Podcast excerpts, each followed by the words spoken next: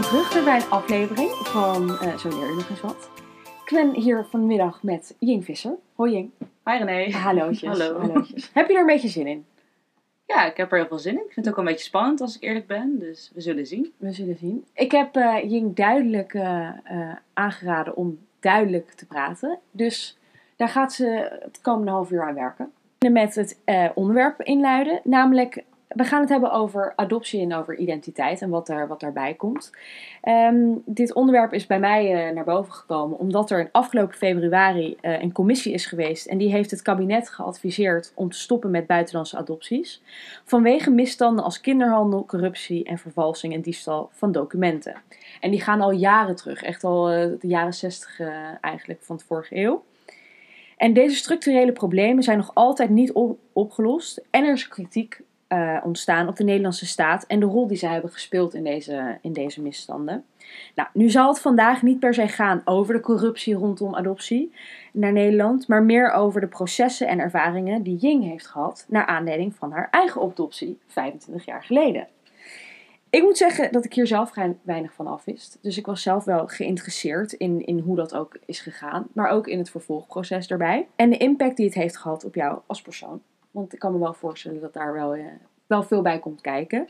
Een van de grote gevolgen van de misstanden bijvoorbeeld is dat bij internationale adoptie er ook problemen ontstaan rondom identiteit. En hoe het is om in een, uh, in een andere land op te groeien dan waar je eigenlijk oorspronkelijk vandaan komt.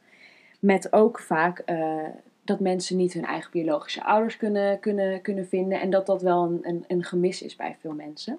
Ik denk dat identiteit voor vele mensen iets kan zijn waar zij zich in kunnen vinden en dat het onderwerp iedereen wel aanspreekt.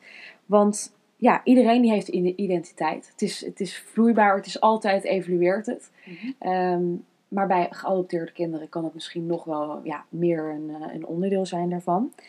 Het valt een beetje onder het thema zweverig of niet tastbaar, maar wel aanwezig, zoals Remco zou zeggen. Dat had hij ook met, met jezelf vergelijken. Het is echt iets wat dagelijks waar je dagelijks mee te maken hebt, maar wij, mhm. waarbij er niet echt een, ja, een tastbaar iets aan, aan, uh, aan vasthangt. Dus nou, dat is waar we het vandaag uh, een beetje over gaan hebben. Dus nou, laten we maar meteen, uh, meteen beginnen bij jou. Zou jij meer over jouw eigen adoptie kunnen vertellen? Hoe zijn jouw vader en moeder hiermee begonnen en hoe is het proces een beetje, een beetje gegaan? Ja, ja kan natuurlijk. mijn vader en moeder zijn er destijds mee begonnen omdat zij uh, niet vruchtbaar waren. Ze hebben destijds volgens mij niet gekozen voor een IVF-traject. Um, ehm, dat was destijds geen optie. Dus een andere optie was adoptie. En ze waren altijd al vrij geïnteresseerd in China. Die keuze stond eigenlijk best wel vast. Alleen ze hebben uiteindelijk, het is een best wel lang proces. Het duurde ook echt vijf jaar. Dus het is niet iets wat je als ouder meteen kan doen. En zoals misschien bekende mensen zoals Madonna hebben gedaan, binnen een jaar iemand kunnen adopteren uit een land. Er zitten best wel wat procedures aan vast. Want je hebt bijvoorbeeld ook gewoon een VOG-verklaring. En wordt gekeken met een psycholoog of je geschikt bent om te adopteren. En dat hebben zij dus destijds besloten. En ze hebben ook best wel wat, heel veel tegenslagen gekend. Ze hebben op mij vijf jaar gewacht. In die tijd is er ook een adoptiestop geweest met China. Dus toen weken ze uit naar India. Uiteindelijk gingen ze toch weer terug naar China. En wat wel interessant was toen, was natuurlijk in de jaren negentig. Er was toen nog niet, internet begon uit te komen. Er was natuurlijk nog geen WhatsApp of Facebook heel erg. En ze hebben toen ook andere ouders die in dezelfde adoptiegroep zaten, dus ook uit China adopteren, hebben ze ontmoet via een forum voor babywagens of iets. En zo is er eigenlijk best wel een hechte soort van gemeenschap ontstaan met dezelfde mensen waarmee ouders die ook kinderen willen. Uh, die hebben vijf jaar lang ook het traject ondergaan. En daar gingen ze uiteindelijk mee naar China. Um, toen ze mij zouden ophalen. Oh nee. Van tevoren, voordat je gaat, krijg je een korte tijd van tevoren een e-mailtje. En daarin staat een heel klein fotootje van het kind. En dan zeggen ze een soort van, kijk, dit is, een, uh, dit is jouw baby, dit wordt jouw kind. Dus mijn mhm. ouders hebben ook die foto uitgeprint en overal opgehangen en gedacht, wow, dit, uh, dit wordt ons kind. En ze waren natuurlijk, zoals mijn vader altijd zei, op slag verliefd op mij toen ze me zagen. Ook in het echt hoor, maar ook uh, virtueel dus.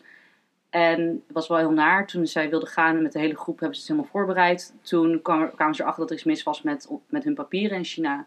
Dus zij mochten als enige van de groep niet gaan.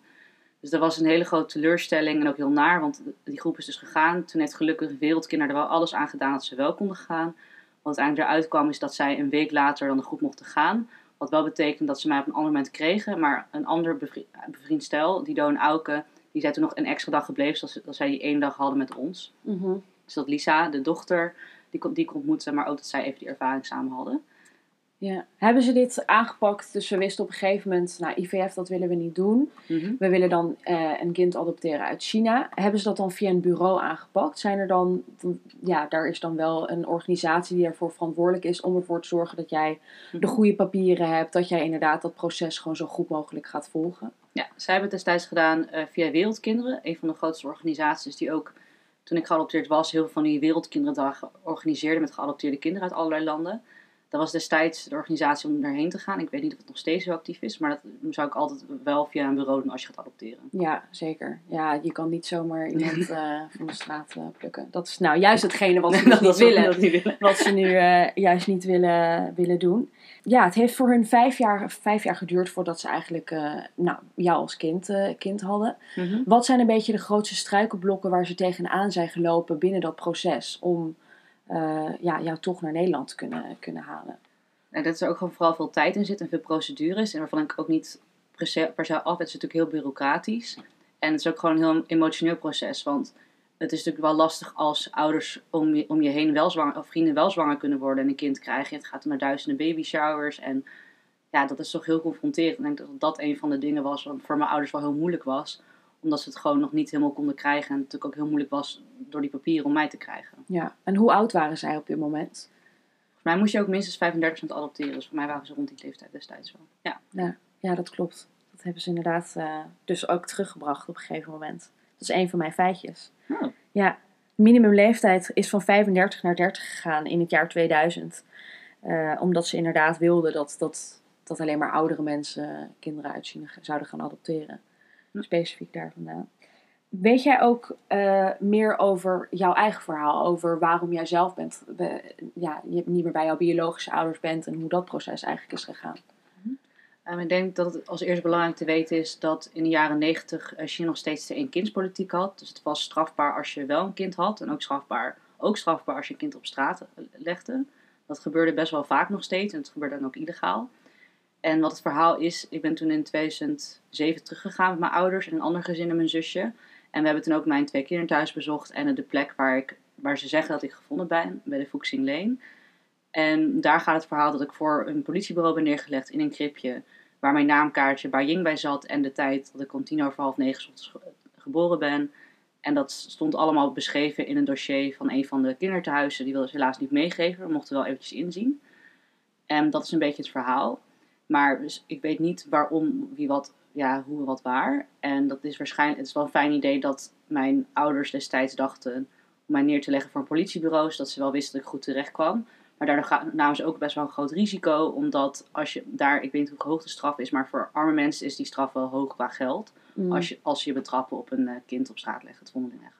Ze, nou, maar ze hebben wel heel veel informatie over gegeven. Dat vind ik dan weer wel heel erg bijzonder. Dat ze toch wel gewoon met, met je naam, met je, met je datum en dat soort Mhm. dingen. Dat geeft je toch wel wat meer informatie over jezelf. Maar Mhm. ehm, heb je meer, meer behoefte aan om meer te weten eigenlijk? Van wat er daarvoor is gebeurd. En van wie je nou echt vandaan komt. Ik denk dat die vraag vroeger toen ik wat kleiner was, wat groter was. Omdat ik toen nog heel erg meer zoekende was naar mijn identiteit, denk ik. En ook omdat mijn vader en mijn moeder ook hadden best wel grote invloed op mij. Omdat ze natuurlijk heel erg wilden dat ik wel bewust was van de cultuur waar ik vandaan kwam. En dankzij hem weet ik ook wel gewoon veel over China.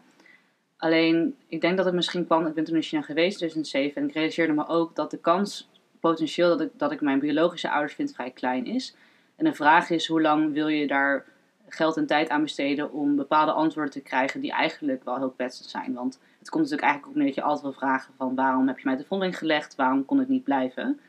En de antwoorden zijn meestal, kunnen soms minder leuk zijn dan je zou verwachten. Bijvoorbeeld, het gebeurt wel vaak dat, een kind, dat ze liever een jongetje willen, want dat werkt ook zo met een bruidschat, dat dan de vrouw bij, met, bij de man en de ouders gaat wonen en dat dan de familie van het, van het meisje moet dan weer geld betalen aan die andere familie. Dat is even, kan een van de redenen zijn, die kon ook al meer het, het zoveelste kind zijn. Het kan ook natuurlijk gewoon zijn waarschijnlijk, dat hadden ze voor mij wel gezegd, dat ik, ehm, ze hadden met het ziekenhuis onderzocht. En dat ik dus ondervoed was destijds. Dus na drie maanden was ik de vondeling gelegd. En dat is waarschijnlijk de reden geweest ook. En ik denk dat daarnaast het heel, een hele kleine kans is dat je iemand vindt, omdat toch de meeste mensen hier niet over, over willen praten. Er was ook laatst een podcast van NRC Vandaag over een meisje uit India. Die heeft destijds wel de moeder gevonden via een programma. eh, door het adoptiebureau te, te bellen eigenlijk. En daar kwamen ze voor dat er heel veel fouten in zaten. En zij is ook een paar keer op bezoek geweest. Helaas is die bio- biologische moeder ook overleden. Maar in India kon die biologische moeder nooit zeggen tegen vreemden of tegen familie: Dit is mijn dochter. Want er heerst gewoon een hele grote schaamte op. En het is gewoon eigenlijk niet echt de bedoeling natuurlijk dat je een kind de vondeling legt. En het is wel naar, ze heeft ook geen contact meer met haar biologische broers en zussen. Omdat die, die kunnen eigenlijk niet omvatten wat die moeder heeft gedaan. Daar staan ze gewoon niet achter. Nee, nee, inderdaad. Maar wel bijzonder dat je zegt dat het pas na drie maanden is gebeurd. Dus Ja. bedoel, je weet al vanaf het moment dat je de baarmoeder uitkomt dat, dat je een meisje bent. En met dat eend-kindspolitiek dan weet je dus, Ja. ik heb een meisje gekregen, maar ik ga er nog wel eerst drie maanden houden. Mhm. En dan pas denk ik van, nou, nu wordt het hem toch niet. Ik ga er toch bij het politiebureau achterlaten. Dat is Mhm. ook wel een apart, eh, aparte gedachtegang, zou je denken. Ja, het is natuurlijk wel dat dit is informatie die de kinderthuis hebben gegeven. En het is niet dat ik dat niet vertrouw, maar dat, moet je, dat weet je ook Ja. eigenlijk nooit.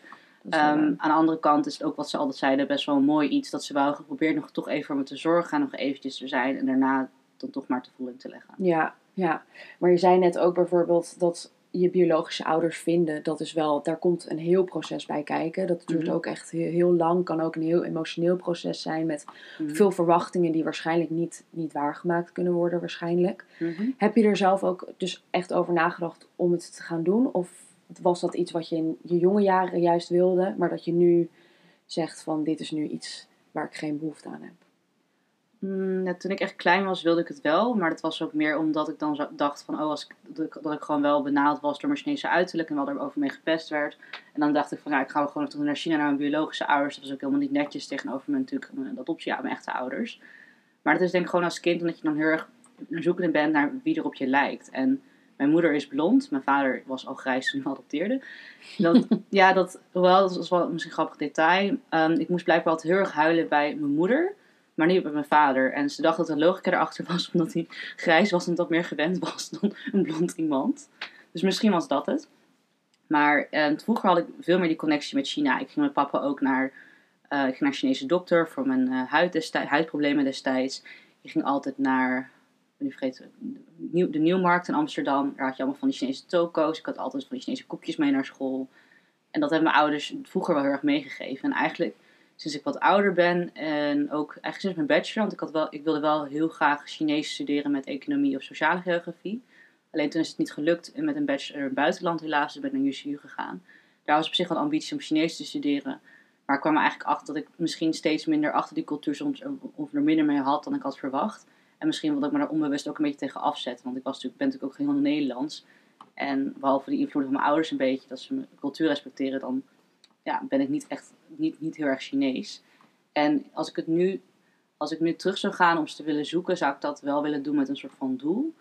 Ik denk niet dat ik een hele dure privé-detective zou willen inhuren, maar mijn droom zou dan eerder zijn dat ik een documentaire zou kunnen maken en dat ik dan meerdere mensen daarover interview en vragen over stel.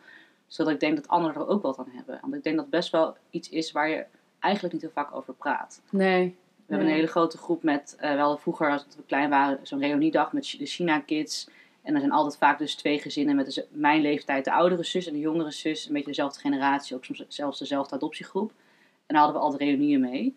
Maar ik heb er eigenlijk ook nooit over mijn identiteit gepraat of gezegd hoe voel jij je nou anders of niet. Want moet, misschien voelt het als een soort van schaamte, omdat je anders bang bent tegen je ouders te zeggen van oh ik ben niet trots op dat ik geadopteerd ben, ik ben er niet blij mee. Dat het ondankbaar overkomt. Maar dat is het denk ik niet. Het is denk ik gewoon heel moeilijk als kind of sowieso ook als volwassene hoor. Dat je er gewoon niet op, op de rest lijkt, op het grootste deel. Ja, ja, en dat brengt zeker dan dat volgende onderdeel van de identiteit. Maar ehm, ik wil nog heel even teruggaan over wat je zei over dat je bij je moeder dan ging huilen. Want heb je nog andere verhalen waarvan je denkt, want hoe, ja, hoe gingen die eerste paar maanden of jaren ehm, met, jou, met jouw ouders? Weet je, vond je, heb je verhalen gehoord dat je heel erg makkelijk juist eh, eh, je weg kon vinden, je draai, dat je... Of, of dat, zij gewoon, dat je gewoon maandenlang de hele tent bij elkaar hebt gekrijsd. Hoe weet je hoe dat een beetje is gegaan, eh, dat overgangsproces? Ja, wel een beetje. Ik denk dat het ook begint met de overdracht van wanneer je, het- je echt je kind krijgt. En bij mij was het gewoon met één iemand van het kinderthuis en hier is het kind, veel plezier. Maar bij mijn zusje heb ik dat wel meegemaakt toen ik drie of vier was. Daar heb ik ook nog wel video's van gezien. En dan zitten allemaal verzorgers, verzorgers in een hotellobby in een kringetje. En dan hebben ze allemaal een kind op schoot in een of ander schattig jurkje of iets. Die ze 9 van de 10 keer onderpissen als ik eerlijk ben. En dat, Oei. dat gewoon kindjes zijn natuurlijk. Het zijn gewoon jonge die moeten heel lang zitten en wachten. Dus dat is ook heel logisch. En dan is er een soort van overdrachtsmoment. En dat noemen mijn ouders altijd hebbensdag. Dat is ook met heel veel anderen. Maar dat is eigenlijk, gaat het gepaard met heel veel krijs. Omdat natuurlijk, je bent natuurlijk heel erg gehecht aan die verzorgers. En die zie je elke dag. En dan opeens zit je met ja, twee blanke mensen die je helemaal niet kent. Dat is Ja. heel eng. Dus op een of andere manier mijn zusje en ik allebei destijds dat we heel erg meer naar, onze vader toe trokken. Wat ook wel moeilijk was voor mijn moeder. Maar dat ook wel begrijpelijk was omdat het een renatie was. Dat lijkt er gewoon een beetje op. En het was vooral heel veel huilen. Het is heel veel huilen omdat ja, het is natuurlijk een hele andere omgeving, hele andere mensen. En dat is gewoon heel erg wennen. En ik denk mijn ouders ook de grootste fout hadden gemaakt dat ze in China met mij sliepen in bed. Waardoor ik thuis ook niet meer wilde slapen, alleen, alleen wilde slapen. Dus het was ook alleen maar huilen. En voor de rest was ik als kind, eh, als baby, nou baby, ik was nog anderhalf jaar oud. ehm, wel heel rustig en heel erg de kat uit de boom kijkend. Niet echt initiatief. Ik was niet echt een heel erg spannend kind. En ze lieten mij wel, als, als ik dan vervelend was, ergens alleen staan. En dan bleef ik gewoon staan en kijken. En ja, dat was op zich wel typerend voor hoe ik nu ook een beetje ben. Ik ben wel iemand die graag van kletsen houdt of met mensen omgaan. Maar als ik iemand nog niet ken, dan kijk ik liever wel even de kat uit de boom. Voordat ik echt mezelf kenbaar maak. ja, ja. Interessant. En hoe is dat dan vervolgens toen je wat, toen je wat ouder werd? Je ging dan bijvoorbeeld naar de basisschool of naar de Mhm. crash of dat soort dingen. Hoe is dat? Hebben jouw ouders bijvoorbeeld... ehm, of dat je echt met, met andere kinderen omging. Hoe hebben ze je daar een beetje op voorbereid? Of, eh, ja, hoe hebben ze dat een beetje aangepakt? Ehm, ja, daar weet ik niet specifiek echt iets over. Want we hadden toevallig wel in de straat ook twee kinderen, vrienden van mijn ouders uit Colombia, waren geadopteerd. Dus ik wist wel wat het een ding was. Ehm, ik ben wel in de basisschool best wel veel gepest. Maar ik weet nooit heel... Het is misschien deels mijn Chinese uiterlijk geweest. Maar deels omdat ik gewoon een, bijvoorbeeld een, in plaats van een ruim voldoende een zeer goed haalde of iets. Niet heel belangrijk. En het is meer dat... Ik kom natuurlijk zelf uit best wel een soort van boerendorp, uit Hoorn. En daar zijn ook hele grote wijken met Europa-flats. En eigenlijk het is best wel redelijk nog multicultuur voor een dorp, denk ik. Alleen, ja, dan word je toch al sneller nageroepen. Hey, poep Chinees of dit, dat. En dat gebeurde, het kan ik me eigenlijk gewoon herinneren als zodra ik de straat uitfietste waar ik woonde. Dus dat is iets wat me altijd wel bijbleef. En dat vond ik altijd wel heel lastig, omdat eh, je, je slaat een Cosmo Girl open of iets anders. En daar zie je eigenlijk alleen maar blanke meiden. Ehm, ja, en mijn moeder was natuurlijk ook blond. En het is natuurlijk best wel iets waar je dan met je ouders heel goed over praat. Mijn ouders hebben ook mij heel erg gesteund en naar, naar, naar de schoolleiding geweest en alles. Maar ze zullen natuurlijk nooit echt zelf meemaken. Omdat zij zelf vroeger allebei blond waren en gewoon heel Nederlands. En het, de frustratie is ook, ik ben ook gewoon Nederlands. Ik was echt, ik dronk alleen maar melk en at alleen maar boterham met kaas. ja, Nederlandse kan je bijna niet krijgen. Nee. Maar je blijft toch anders. En dat heeft wel, toen ik klein was, ook heel erg ja, geknaagd. Omdat ik gewoon ook eerder in puberteit kwam. Dat mijn lichaam niet zo goed kon tegen het westerse eten eigenlijk, denk ik toch wel. Dus het was gewoon heel moeilijk om... Je wilde eigenlijk als kind gewoon sowieso niet anders zijn. Dus dat de Chinese uiterlijk mee. Toen werd ik eerder veel langer en in puberteit. En dat vond ik gewoon eigenlijk helemaal niet fijn. Want je wil als kind gewoon niet opvallen. Nee, nee maar die, ja, dat, is- dat is nu juist dat grote discussie die er nu is ontstaan. Hè? Dat gewoon alles wat eigenlijk in de media vroeger was, was gewoon nou ja, één kleur. Het zag er allemaal Mhm. hetzelfde uit. En dat begint nu echt wel enigszins te veranderen. Of Ja. er, er is nu, het komt op gang. Ehm, maar je zei bijvoorbeeld hiervoor dat er, je had die, die andere groep met andere eh, gezinnen die ook Chinese kinderen hadden geadopteerd. Maar daar had je dan weer geen gesprekken over. Over hoe het nou echt is om ja, eh, hier dan te wonen met de Chinese uiterlijk. Dus je hebt dan niet mensen opgezocht die in dezelfde situatie waren als jij om deze gevoelens dan te gaan delen.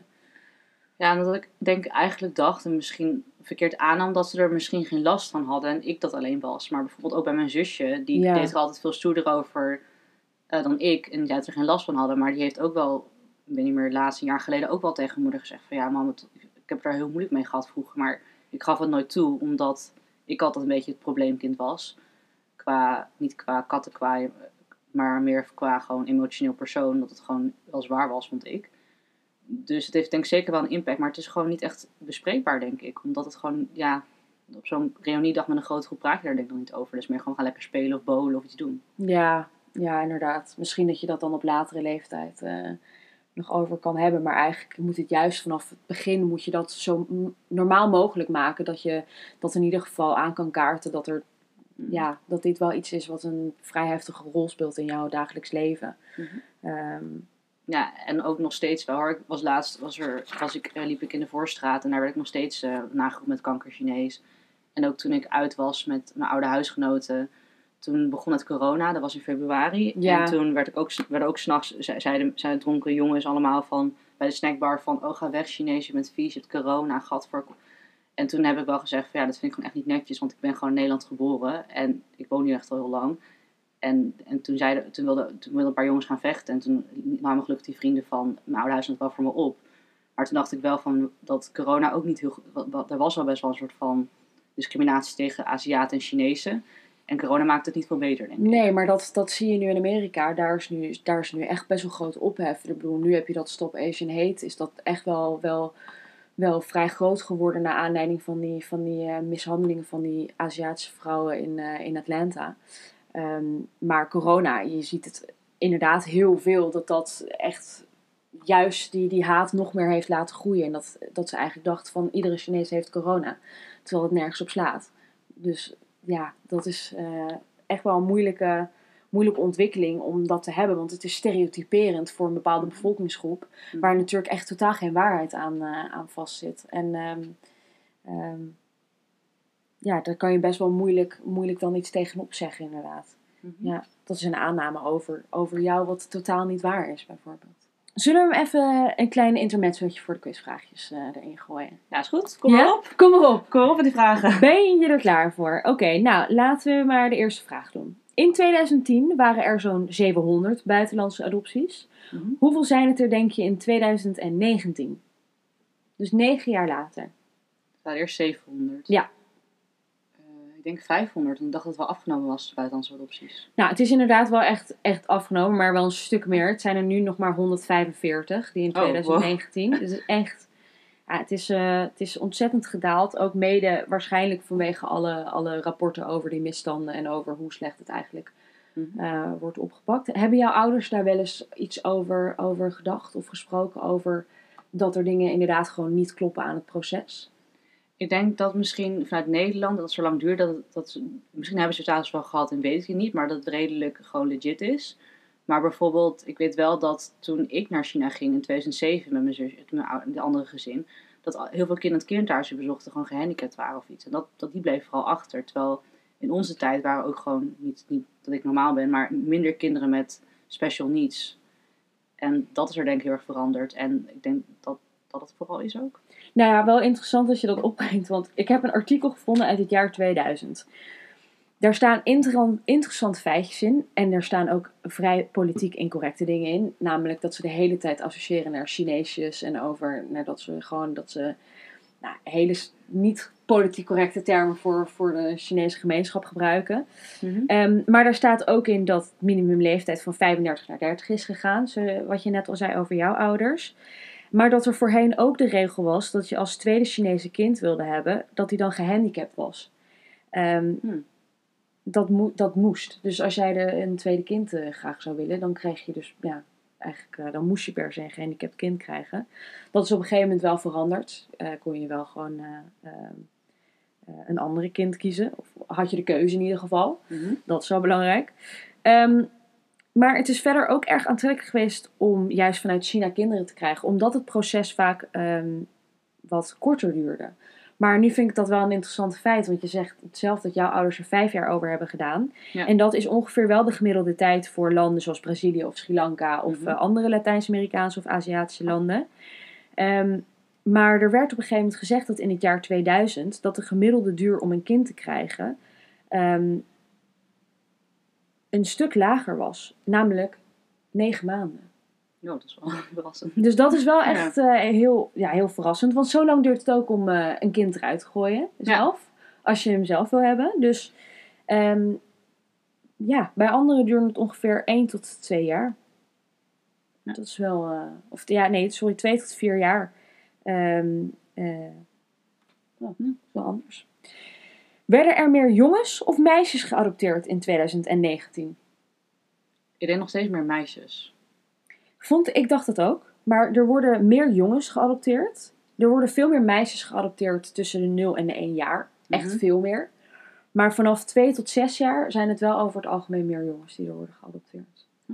Dus misschien dat zij gewoon in eerste instantie niet gewild zijn en dan vervolgens juist later. Of juist eh, eh, dat ehm, omdat het proces zo lang duurt, dat tegen de tijd eh, dat in die landen meer jongens eigenlijk eh, ter adoptie worden gesteld.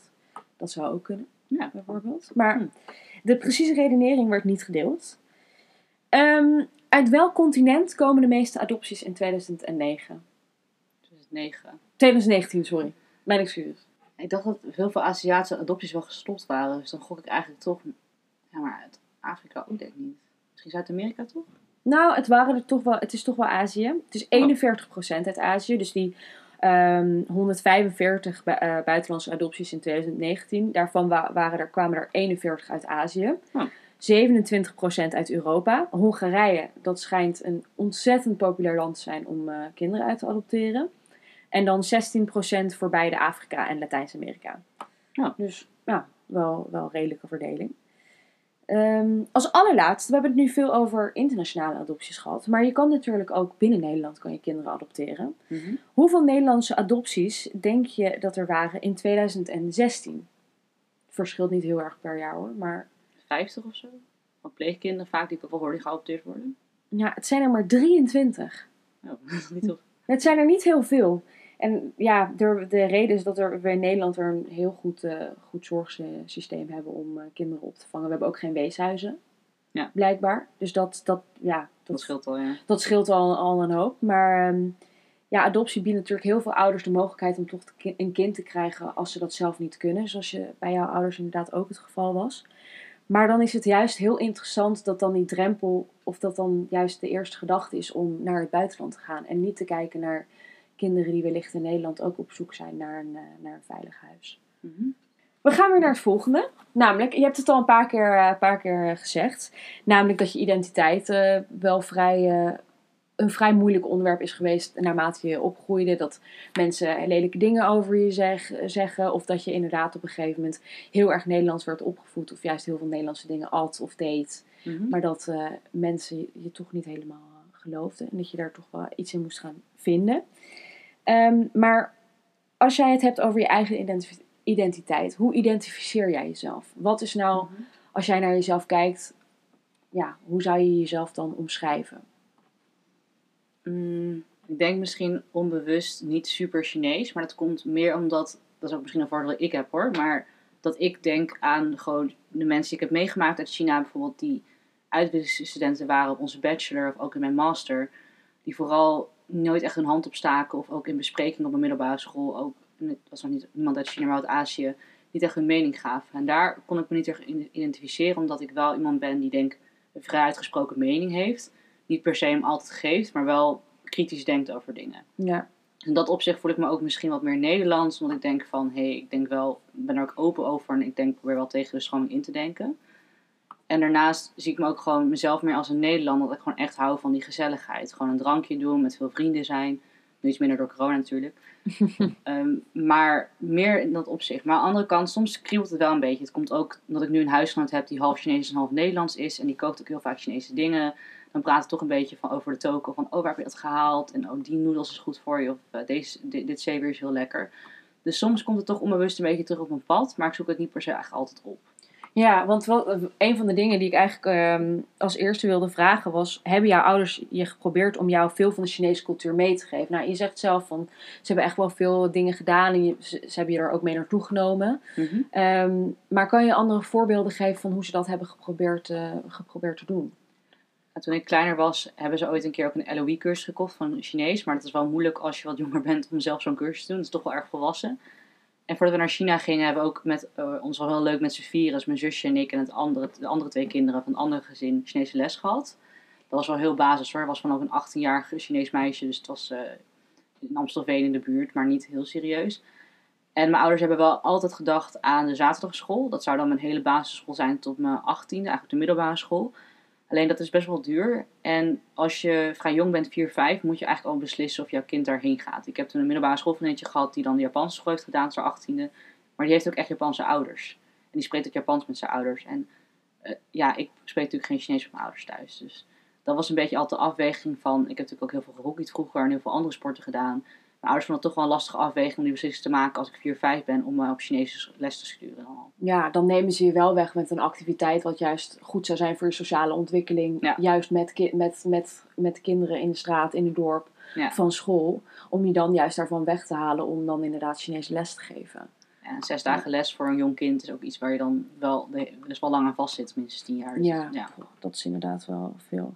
Maar ook in andere dingen, dus bijvoorbeeld eh, Chinese gerechten. Dus de, dat jullie Mhm. thuis eh, veel Chinese dingen gingen eten. Of dat je misschien eh, bepaalde films of boeken ook meekreeg. Dat, eh, Nou, mijn vader is altijd heel erg geïnteresseerd geweest in geschiedenis. Dus we hadden ook heel veel geschiedenisboeken en dat, dat soort dingen heb ik ook heel veel gelezen. En we gingen ook altijd, als ik dan jarig was, naar een Chinees restaurant als traditie. En daar eten de eigenaar volgens mij, is wel tien keer veranderd, ook Ying op den duur. Dus dan waren altijd natuurlijk, omdat wij natuurlijk wel uit Azië, uit China kwamen, speciale behandelingen. Dat was heel leuk. Dus, en ook gewoon als we, als we thuis kookten, wel Chinees. Maar natuurlijk kom je er ook achter dat dan, als je thuis Chinees kookt en ook in een Chinees restaurant, dat is eigenlijk gewoon een mix van Indonesisch en ja, ander eten. En als je dan echt in China bent, dan realiseer je pas van, oh, Zo ziet het er echt Zo uit. ziet het er echt uit, zoals de spinazie met knoflook die ik overal at. En ehm, dat je ook alles warm at. Dus ook 's ochtends gewoon, om wat je eet voor avondeten, ook 's ochtends en 's middags gewoon kan eten. Dus dat was wel Ja, er zit geen, geen verschil in, verschil. in gerecht. Nee, in, in, eh, nee, in, in tijd van de dag. Eh, ja, leuk. Dus ze hebben wel, maar ze hebben zelf ook een hele erge interesse daarnaar. Dus dan zou Ja. het misschien ook wel een logische eh, voortgang kunnen zijn. Dat zij ook vanuit hun eigen interesse dingen met jou kunnen gaan delen. En niet Ja. dat dat per se een verplichting was. Mhm. Om te denken van, nou, we moeten echt eh, dit gaan doen. Dan zou het misschien wat minder natuurlijk eh, kunnen gaan. Ik weet bijvoorbeeld dat er ook verhalen waren van... Er zijn ook heel veel Chinese mensen naar Australië vertrokken. Mhm. Ook eh, eh, ehm, in de jaren nou, 60, 70, 80 eh, hiervoor. En heel veel van die kinderen die wonen gewoon al een hele leven inderdaad in Australië. En dat, dat, Mhm. die discussie is toen ook op een gegeven moment ontstaan. Over dat ze van ja, ga terug naar je eigen land. Maar ja, Ja. is, zij spreekt helemaal geen Chinees. Ze heeft er eigenlijk heel weinig affiniteit mee. Ze zegt van ik ben gewoon Australisch. Ja. Zou je dat zelf ook hebben met, met, met Nederland? Dat je denkt van Ja. ja. ik ga nu niet terug naar China. Daar heb ik eigenlijk niet zoveel mee. Nee, dat toen ik jonger was, dat ik dat wel eens gezegd heb, wat heel kwetsend was. Maar nu zou ik dat gewoon niet zo snel doen, vanwege ook gewoon de mensenrechten daar. En ik ben natuurlijk best wel met duurzaamheid en waardeketens. En hoe dat daar gaat, sta ik er gewoon niet heel erg achter. En ik denk toch dat het, dat, het component kritisch kunnen denken of kritiek kunnen hebben over de overheid of iets. Ook al werk ik nu zelf ook voor de overheid. Dat je, dat je die mogelijkheid hebt, is toch wel fijn. En ik denk dat in China misschien te veel ja, dat het te, misschien te veel in een soort van keurslijf vo- vo- voelen passen. Moet, ja. Ik zou me denk ik daar niet helemaal thuis mee kunnen voelen. Nee, maar nu, je, je, je brengt nu voorbeelden aan over hoe de politieke cultuur in elkaar Mhm. zit. En hoe het systeem eigenlijk, eigenlijk werkt. Maar niet Mhm. per se over hoe je het zou vinden om met die mensen bijvoorbeeld eh, te zijn. Want dat, Ja. weet je, je zou bijvoorbeeld een ander 25-jarige eh, Chinese jonge dame, eh, die ook bij, die bij een groot bedrijf werkt bijvoorbeeld in, Mhm. in, in een grote stad. Of je daar nou wel of niet een affiniteit mee zou hebben. Of dat je daar echt het idee hebt van, nou, nu, nu voel ik me echt thuis. Of hier zou ik iets mee kunnen vinden. Dat, weet ik gewoon niet zo heel goed. Maar ook omdat er toevallig wel mijn master iemand zat die is echt uit dezelfde dorpje komt waar ik uit. Nou, het dorpje, het heeft een, waar ik vandaan kom, heet de Parel van Anhui. En het heeft 1 miljoen inwoners in Wuhu. Die schrijft het als W-U-H-U. En dat is een dorpje in China, dat, gewoon, dat is voor China gewoon heel klein. voor ons is dat in Amsterdam niet eens. En zij kwam eigenlijk ook uit eh, hetzelfde plaatsje. En daar heeft ze me ooit een keer een Facebookbericht over gestuurd. En ik heb gezegd, oh laten we een keer koffie doen of erover kletsen. En ik heb eigenlijk toen al wat gehoord. En ik weet ook nog wel in mijn master dat een vier Chinese meisjes op me afkwamen, een beetje lachiggelend. En zeiden, oh, you Chinese as well. En ik echt zo, ja, nee, want ik ben geadopteerd. Dus ik ben gewoon echt Nederlands, maar ik zie er wel zo uit. En toen zei ze, oh, you're not really Chinese. En toen rennen ze weer giechelend in een groepje in een kudde weg. ja, En toen, dat is misschien een van de redenen. Het kan natuurlijk anders zijn in de grote steden in China. En als iemand hetzelfde werk doet als ik. Maar er is niet. Ik heb heel veel mogelijkheden gehad, ook in mijn bachelor en in mijn master, om toch die aansluiting te vinden met mijn, misschien mijn cultuur waar ik vandaan kom. Maar op een of andere manier dan trok ik toch wat natuurlijker naar Nederlandse mensen toe of naar wat openere mensen. En dat is niks, ik zeg niet dat het zo een beetje een voordeel. Maar ik denk wel dat het natuurlijker gebeurd was als het zo was. Of als het zo had moeten zijn. Ja, nou ja, ik weet ook, in Edinburgh was de helft van mijn klas Chinees. En eh, no way dat je daarmee een gesprek kon gaan voeren. Want zij wilden dat ook niet met ons doen. Mhm. Zij sloten zich ook gewoon echt puur van, van, van de rest van de groep af.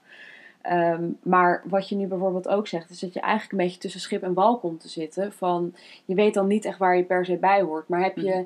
Vanuit de Nederlandse groepen, dus misschien eh, vanuit eh, weet je, de vriendengroep of vanuit eh, mensen van de middelbare school, dat je denkt van, nou, die, ja, die betrekken mij er wel gewoon echt bij, alsof ik gewoon wel, dat, je, dat je dus echt een Nederlander bent.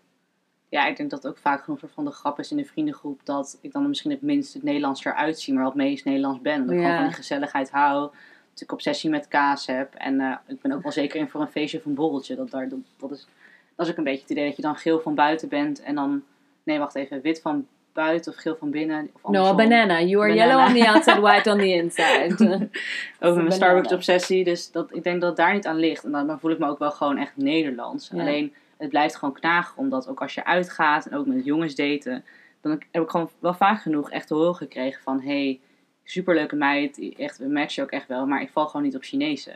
En dat is dan toch best wel moeilijk. Omdat de ene kant wil je gewoon lekker jezelf zijn. En het maakt niet uit hoe je eruit ziet. Maar dan denk je soms wel eens van... Wow, als ik dan blond was geweest, was het dan zo anders geweest? Of hoe was het Mm. dan geweest? ja, Of dat- gewoon Nederlands? Ja. Nou ja, je bent, zoals je zegt, je bent Nederlands. Maar wel Ja. altijd met een aanhalingsteken, voor, zou je dan zeggen. Ja. Zo omschrijven mensen dat misschien wel wat meer. Ja. Ja, dat is, dat is gewoon best wel, best wel een, een lastig iets. Zeker op jongere leeftijd, maar ook gewoon nu. Dat kan me wel voorstellen dat het altijd wel iets aan je blijft, eh, aan je blijft knagen. Er werd ook gezegd in een artikel in de Times... Je wordt er steeds aan herinnerd dat mensen je anders zien dan dat jij jezelf kent. Mhm. En dat is, dat is natuurlijk ook lastig. Maar ehm, je zei net dat jij heel erg van een borreltje houdt en van een feestje en dat soort dingen. Maar denk je dat Chinese mensen dat dan bijvoorbeeld niet hebben? Niet dat ze dat niet doen. Ik weet dat eh, Chinese mensen ook zeker veel kunnen drinken. Veel zakenmannen ook. Nee, ik denk toch dat het toch op een heel andere manier is dan het Nederlands samenhorigheid. Het is toch misschien wat makkelijker Nederlanders. En Ja, het is toch een ander gevoel, denk ik wel. ja je, je hebt het gewoon op de Nederlandse manier geleerd. Zoals wij allemaal eh, op Ja. de middelbare school. eh, Gezellig in een kringetje met kaas en leverworsten. Precies. zo, hebben wij dat, eh, zo hebben wij dat een beetje, een beetje gekregen. Heb je verder nog vragen of ideeën of iets wat je wil delen? Ehm, Even nadenken over. Ik weet wel ook dat vooral, ik denk mijn werk bij Starbucks, dat ook daar wel, ook al werkte ik met veel vriendinnen die ook wel andere achtergronden hadden, dat Chinees ook wel altijd een ding was daar met gewoon de mensen die daar werkten dan, de vuilnismannen of bij het fietsenhoekje, dat het dan was van, als ik uitcheckte met mijn OV-chipkaart van, oh, je bent zo goed ingeburgerd mevrouw. En dan leg ik uit dat ik geadopteerd ben en zo zeggen ze, oh, sorry. En ik zeg zo, ja, nee, het is, het is oké, maar... En ook een vuilnisman die altijd zei, hey, konnichiwa. En dat heb ik elke ochtend wel even uitgelegd. Ik kom uit. Nederland. Het, het spijt mij. Maar aan de andere kant ook wel weer interessante gesprekken. En mensen zijn er ook wel heel respectvol over. Dat sommige vragen, mag ik naar je achtergrond vragen of je adoptie? En ik sta er ook best wel voor open om erover te praten. Maar het is misschien niet echt een eh, party starter als je op een feestje bent of iets. Maar, maar ook vaak genoeg die verwachting van mensen. Dat er bijvoorbeeld dat je in een bar staat en dat mensen dan eigenlijk verwachten dat je Chinees kan. En dan toch een beetje teleurgesteld weglopen als je dat niet kan. Nee, oh, nee. Dan, dan, dan denkt weer zo'n blonde jongen van een of ander dispuut, dat ik niet ga noemen van UCU. Oh, ik ben even in China geweest, ik ga even, even Chinees laten zien. Dan zeg je, ja, sorry, maar ik kan geen Chinees spreken. Dat wordt een teleurstelling. Maar... Ten tweede zou het me ook een worst geven. Oh, ik weet dat nog ook. Toen ik in Nederland, toen ik ook naar Nederland kwam, toen zei ik ook, had, moest ik ook 10.000 keer mijn verhaal vertellen. En toen kreeg ik ook constant mensen die dan eh, eh, gewoon altijd spleetoogjes naar me gingen doen. Of dat ze ehm pangi pangnang en zo gingen schreeuwen. Of dat ze gewoon ook Ja. inderdaad op een gegeven moment, oh maar dat ligt toch in Japan. Of konnichiwa zeiden. Of gewoon, eh, ehm, hoe gaat dat nummer nou ook alweer? Dat ze- Panky Shanghai, ja, het verjaardagsnummer. Panky, ja, dat verjaardagsnummer. Nou, echt, mij niet hebben hoor. Echt, ik, ik wilde gewoon dan per se weg. Ik vond dat verschrikkelijk. Ik had daar echt... Mijn basisschooltijd is dat echt zo vaak gezongen. Het was heel normaal vroeger. En dat Ja. is nu pas een beetje dat mensen denken, oh, dat kon eigenlijk echt niet. Nee, maar met heel veel dingen dat ze dan denken van, Ja. oh, dat was niet zo netjes misschien. Nee, dat was totaal niet netjes. Mensen die dachten daar vroeger niet over na. Maar ik, ik was er meteen al... Ja, ik vond dat echt verschrikkelijk. Ik heb daar ook wel veel, vaak wel moeite mee gehad hoor. Dat mensen dat deden of dat zo zeiden. En eh, Mhm. ehm, op een gegeven moment ja, kon ik dat wel gewoon een plekje geven. En dat ik dacht van, nou, het is, het is hun probleem. Het is niet mijn probleem. Mhm. Ehm, nu zou ik veel meer eh, dat, dat, dat educate aspect er misschien inbrengen. Van dat kan je eigenlijk niet zeggen, want zo hoort Mhm. dat eigenlijk niet. Ja. Omdat dat nu veel meer wordt gesproken. Maar toen dacht ik van, nou, ja, Mhm. je gaat er niks mee winnen door, door een persoon die totaal eh, er niet in geïnteresseerd is om dat uit te gaan leggen. Maar ehm, Ja. Maar dat is ook wel echt een van de redenen dat mijn ouders, ik heet eigenlijk volledig Ba Ying. Mhm. En mijn ouders hebben destijds er specifiek voor gekozen om mijn roepnaam Ying te maken. Omdat ze bang waren dat mensen me gingen pesten met bal. Ying, Ja. je wel, vies bal. Bij als een schaap of iets. En uiteindelijk, nou niet heel grappig, maar uiteindelijk is het toch wel gebeurd dat mensen gingen zeggen Ying Yang Yo, Ying Yang. Niet het allerergste, maar je wil gewoon Ying genoemd worden. Ze Ja. zouden niet met René zeggen, nou we zeggen nu Rere, maar niet, je kan er niet heel veel anders mee qua cultuurdingen. Nee. En dat is op zich wel, dat is nog steeds natuurlijk een beetje te, wel het grappig, omdat het natuurlijk wel Ying staat, maar dan achternaam is natuurlijk Visser. Dus dat is wel een soort van twee beetje tegenstrijdige dingen, waardoor de meeste andere mensen ook al kunnen lezen over van, oh, dit is eigenlijk wel of een, of een adoptie of gewoon vernederlandst. Ja. Eh, maar het is wel eigenlijk iets wat je steeds een soort van uit moet leggen, wat ook wel een beetje gek is soms. Ja. Ja, het is vervelend dat je. Ja, het is niet per se vervelend, maar er hangt altijd een uitlegproces aan Ja. vast. Het is nooit een aanname dat dat, Mhm. eh, dat dat zo is. Ik heb dat zelf ook eh, als ik dan. Ik heb het niet in het Nederlands, maar als Mhm. ik in het Engels praat, dan heb ik altijd. Dat was tijdens het reizen vooral heel erg vaak het geval. Mhm. Ehm, sommige mensen gaan sowieso een oog rollen nu met dit verhaal. Maar ik weet gewoon, ik, ik ben drie maanden gaan reizen. En drie maanden lang heb ik Engels gesproken. En ik ben denk ik, nou, wat zou het zijn, 90 dagen weg geweest. En ik heb denk ik wel ruim 100, 150 keer hetzelfde verhaal verteld over waarom ik niet Nederlands klink in het Engels. En Ah, ja. dan, ja, dan blijf je dat een beetje zo, eh, zo doorhebben. En ik was op een gegeven moment met een meisje in een bus. En daar had ik al drie, al drie weken mee gereisd in Nieuw-Zeeland. Mhm. En aan het eind van die, van, van die trip, toen kwam ze dus achter dat ik Nederlands was. En toen zei ze zo tegen me van, nee, dat klopt echt niet. Ik zei, nee, het is echt waar, ik heb een Nederlands paspoort. Hier, kijk maar. En dat ze zei van, oh, nou, ik geloof je niet. Ja, voor mij ben je gewoon Brits. En dat ik echt dacht van, ten eerste zou ik nooit van mijn leven met de Britse bevolking een associatie willen hebben. Want zo ben ik niet. Dat is Mhm. niet wie ik ben. En in Edinburgh had ik dat ook. Dat mensen toch die aanname hadden dat ik Mhm. dus ook daar vandaan kwam. En ik was op een gegeven moment wel vaak dat ik toch wel wilde laten weten van ik ben Nederlands. Ik associeer mij met Nederland.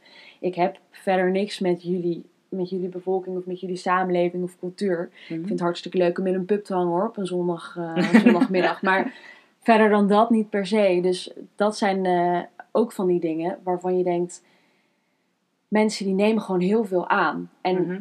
in verschillende groepen ben je ook heel anders. Dus Ja, in het Engels praten ben ik een heel ander persoon dan in het Nederlands. Met UCU-vrienden ben je heel anders dan op je werk. Mhm. Met je familie ben je ook heel anders. En dat is juist het interessante aan je identiteit. Is dat het heel erg eh, verschillende kanten heeft. En dat Ja. houdt niet per se in dat het anders, dat het slecht is. En dat Mhm. als jij je anders voordoet voor anderen, dat dat nou per se het verkeerde is. Het houdt gewoon in dat je een andere kant van jezelf laat zien eigenlijk. Die Ja. er altijd al is geweest. Maar als eigenlijk iedereen al vanwege, vanwege jouw uiterlijk al zegt van jij hoort in dat hoekje, Ja. dan is het heel moeilijk om daar een beetje in, eh, in, in te verplaatsen. En ik denk ook wel dat ik heb ook best wel lang bij een psycholoog gelopen. Ik heb ook best wel lang depressief geweest. Maar dat was ook vooral omdat mijn vader natuurlijk overleden is. Maar ook gewoon omdat ik me niet op mijn plek voelde op middelbare school. En ik denk dat voor veel mensen toch altijd te beseffen is dat als je... Ik heb niks tegen adopties. Maar er zijn best wel wat psychologische dingen onbewust die misschien pas jaren later naar boven kunnen komen. Dus het is gewoon heel goed om het onderwerp bespreekbaar te maken. En ook soms, ook al voel je je niet slechter, gaat, zit je gewoon lekker in je vel. Om toch met een psycholoog erover praten. Want het is toch iets wat, je neemt toch, denk onbewust, het is een beetje nurture-nature argument. Je neemt denk ik toch onbewust wat oude dingen mee, denk ik. Ja, En natuurlijk pas je aan aan een nieuwe omgeving. Maar er zit toch altijd wel iets in je wat van vroeger is, of wat jij niet kent, of dingen die je niet kan verklaren. ja, maar wat ik ook denk, dat is ook wel een interessant punt, is in iedere levensfase die jij dan mee gaat maken, dus Mhm. iedere volgende stap, dan zou een ander onderdeel van bijvoorbeeld jouw adoptiegeschiedenis naar boven kunnen komen. Bijvoorbeeld dat jij dus zelf kinderen wil gaan krijgen. En hoe, Ja. dat, dan, hoe dat dan gaat. Ehm, Ja.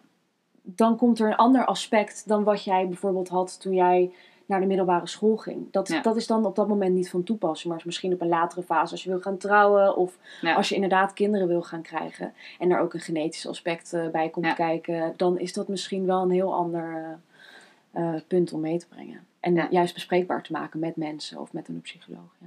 Ja, en dat is ook wel lastig, want ik weet nog wel goed, in de middelbare school moest ik een biologie, le- gingen we, oh ja, we gingen wel iets met, met je oogkleur doen. En dan moest je dan een stamboom maken van je familie met oogkleuren. Maar ja, ik ben natuurlijk niet biologisch gerelateerd aan mijn ouders. Nee. Dus ik zei ook van, mag ik het dan over mijn overgrootouders doen tot met mijn ouders? Want ik, ik heb niet dezelfde oogkleur als mijn ouders. Toen zei ze, ja, is ook goed. Maar toen realiseerde je wel van, oh ja, ik heb natuurlijk niet dezelfde genen, maar ook niet dezelfde Dat is ook wel, je weet natuurlijk niet of bepaalde familieaandoeningen in jou zitten. Nee. En dat is, dat is het enige, want dat het soms ook niet dat dat het echt het moeilijkste is eraan, maar dat is soms wel echt heel handig om te weten als bepaalde ziektes of iets uh, ongemakjes in je familie gewoon vaak voorkomen, dan weet je dat. En nu weet ik het, dat, dat weet ik eigenlijk allemaal niet. Dat is gewoon allemaal, ja, je kan natuurlijk wel veel laten testen, maar dat is niet van, oh, daardoor komt het. Ja, je hebt een gebrek aan informatie die er eigenlijk uh, is ontstaan hierdoor. Interessant. Echt uh, wel heel veel interessante dingen besproken. Echt wel een paar dingen die, waarvan ik nog niet, nog niet wist. van jou, maar ook gewoon over ja, hoe dit eigenlijk allemaal is gegaan.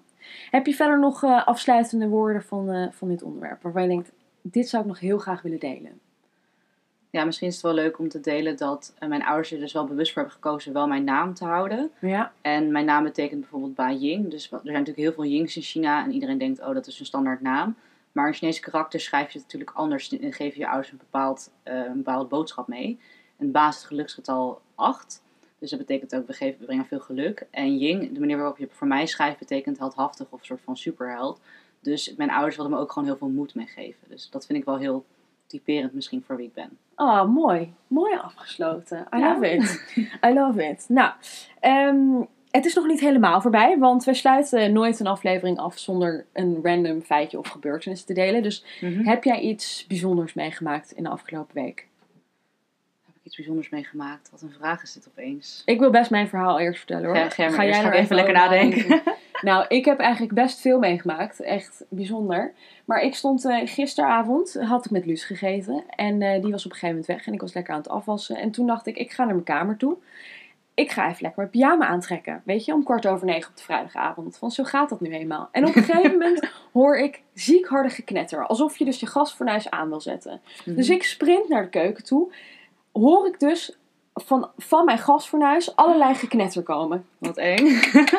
en ik was alleen thuis. Dus, en ik dacht van kut. Dus ik pak die pollepel en ik zit zo een beetje te kijken. En ik kijk er zo onder. En ja hoor, ik zie van die blauwe kleine vonkjes onder al het, al het, uh, alle fornuizen gaan. En opeens gaat het licht uit.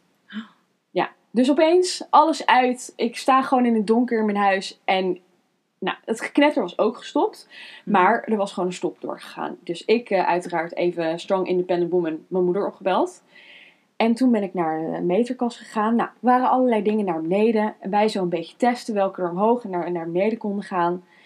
Um, bleek er gewoon, bleek gewoon het gasfornuis een kleine stroomstoring te hebben veroorzaakt. Dus wow. ik heb nu achter onze, onze goot, heb ik nog alles weg moeten halen. Ben ik echt zo in, uh, tegen de muur aan zo gedoken. Echt in allerlei verschillende hoeken. Om dus die stekker eruit te halen. En toen is het gelukkig wel gelukt om weer alles aan te zetten. Maar ik kan je vertellen, ik heb me echt rot geschrokken toen ik die gas, dat gasfornuis hoorde gaan. Ik dacht echt van, this is my end. This is, this is the death. Dus um, dat heb ik meegemaakt. Oké. Okay. Ja. Ik heb niet per se specifieks, maar misschien wel iets anders waar ik aan dacht. Want ik word door mijn vrienden en clubgenoten ook wel omschreven als een panda. Vanwege mijn voorliefde voor eten en voorliefde voor slapen. Mm. En uh, we hebben ook met mijn huisgenoten voorgenomen het volgende huisfeestje dat ik de 1 uur s'nachts wel ga halen. Want de laatste keer dat ik ergens een feestje had of met een vriendje wat ging drinken, lig ik op 1 uur. Dan zeggen ze waar Jim? En dan lig ik ergens gewoon op iemands bank te tukken. En ook in mijn huis, dan is het opeens, huh, waar is Jing? En dan komen mensen, echt tien mensen in mijn kamer van, huh, lig je nu al in bed? Ik zeg ja, laat me slapen, laat me slapen. dus mijn volgende doel, als ik ooit weer echt een feestje heb bij ons thuis, is om een middagdutje te doen en uh, veel koffie te drinken, zodat ik lekker wakker blijf. Ik zou gewoon gaan daydrinken. Daydrinken is the way of life. Echt fantastisch. Dan kan je gewoon nog negen uur slapen. Het is echt top. Ik had laatst ook nog een gedachte. Dan, dan sluit ik het echt af, ik geloof het. Maar ik, ik maak dan iedere dag een wandeling. En ze zijn bij ons in de straat en ze zijn nu bezig met verbouwingen. Kutzooi. Hmm. Um, maar er staat dan ook een Dixie voor de deur. En ik dacht echt, ik mis, ik mis festivals echt hoor. Dixie. Echt, echt, echt niet mis zijn die Dixies. Echt waar. Wat een ellende zijn die dingen. Ik krijg er spontaan, uh, spon spontaan paniek van. Maar ook weer zin om naar een festival te gaan. Dus ja, dat heb ik ook wel hoor. fingers crossed dat dat uh, ooit mag gebeuren. In 2021. We hebben al wat kaartjes, dus hopelijk, uh, nou, gaat hopelijk het wel. gebeuren. Dat zou leuk zijn. Lekker losgaan. ja, precies. Nou, Jeng, ik vond het hartstikke gezellig. Ik hoop dat uh, iedereen geniet uh, van dit verhaal en over de, de ervaringen die je hebt gedeeld. Dankjewel. En jij bedankt.